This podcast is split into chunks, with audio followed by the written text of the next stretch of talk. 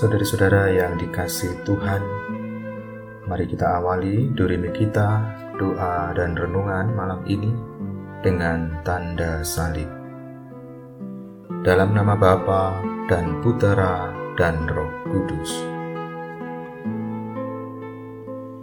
Ada seorang gadis yang meminta pastor untuk datang ke rumahnya dan berdoa bagi ayahnya.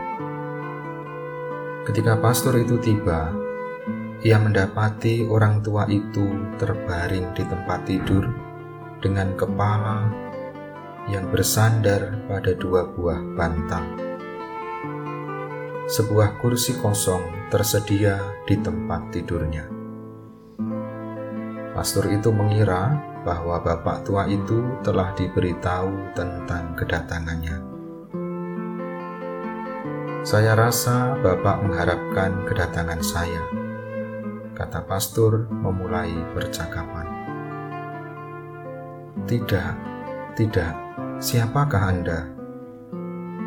Pastor lalu memperkenalkan diri dan kemudian berkomentar. Saya melihat sebuah kursi kosong. Saya pikir Bapak tahu saya akan datang dan menyiapkan sebuah kursi untuk saya. Oh iya, kursi itu, kata Pak Tua yang tak bisa meninggalkan tempat tidurnya. Bisa tolong tutup pintu itu? Walaupun bingung, pastor menutup pintu lalu kembali mendekat ke tempat tidur.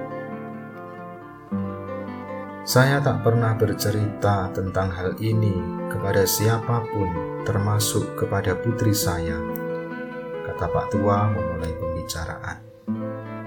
Sepanjang hidup saya, saya tidak pernah tahu cara berdoa. Di gereja, saya biasa mendengar pastor bicara tentang doa, tetapi hal itu berlalu begitu saja dari kepala saya saya kurang tekun berdoa sampai pada suatu hari, kira-kira empat tahun yang lalu, sahabat karib saya berkata, "Doa adalah sesuatu yang sederhana, melakukan percakapan dengan Yesus. Inilah saranku: duduklah di sebuah kursi." Lalu letakkan sebuah kursi kosong di hadapanmu. Dan percayalah bahwa engkau melihat Yesus duduk di kursi itu.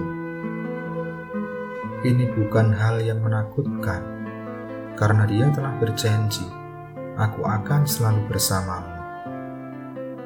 Berbicaralah kepadanya, seperti halnya kamu berbicara kepadaku saat ini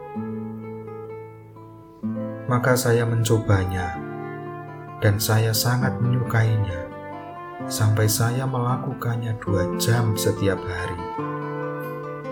Walaupun begitu, saya tetap bertindak dengan hati-hati, sebab jika putri saya melihat saya berbicara dengan kursi kosong, dia mungkin kaget, terkejut, atau malah mengirim saya ke rumah sakit jiwa pastor itu benar-benar terhanyut oleh cerita tersebut.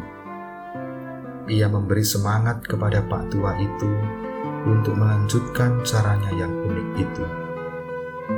Ia berdoa dengannya, mengolesinya dengan minyak, sebagaimana layaknya sakramen pengurapan orang sakit diberikan. Lalu ia kembali ke gereja.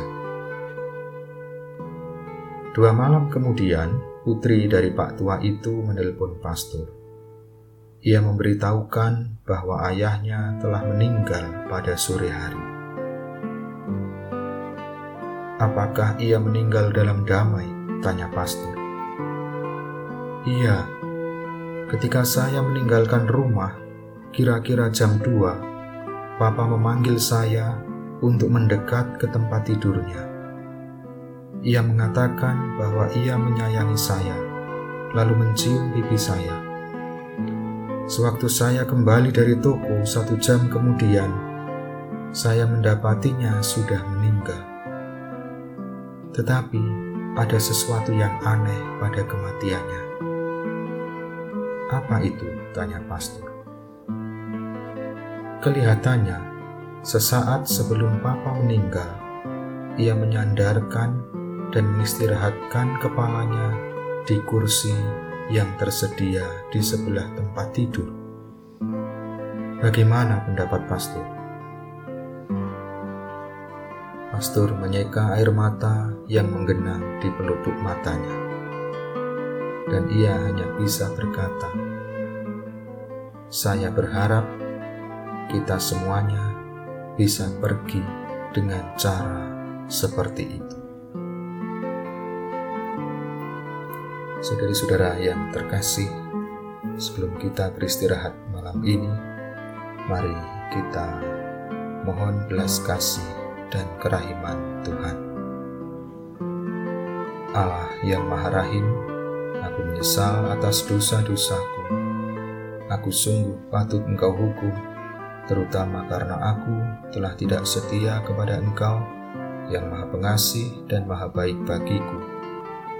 Aku benci akan segala dosaku dan berjanji dengan pertolongan rahmatmu hendak memperbaiki hidupku dan tidak akan berbuat dosa lagi.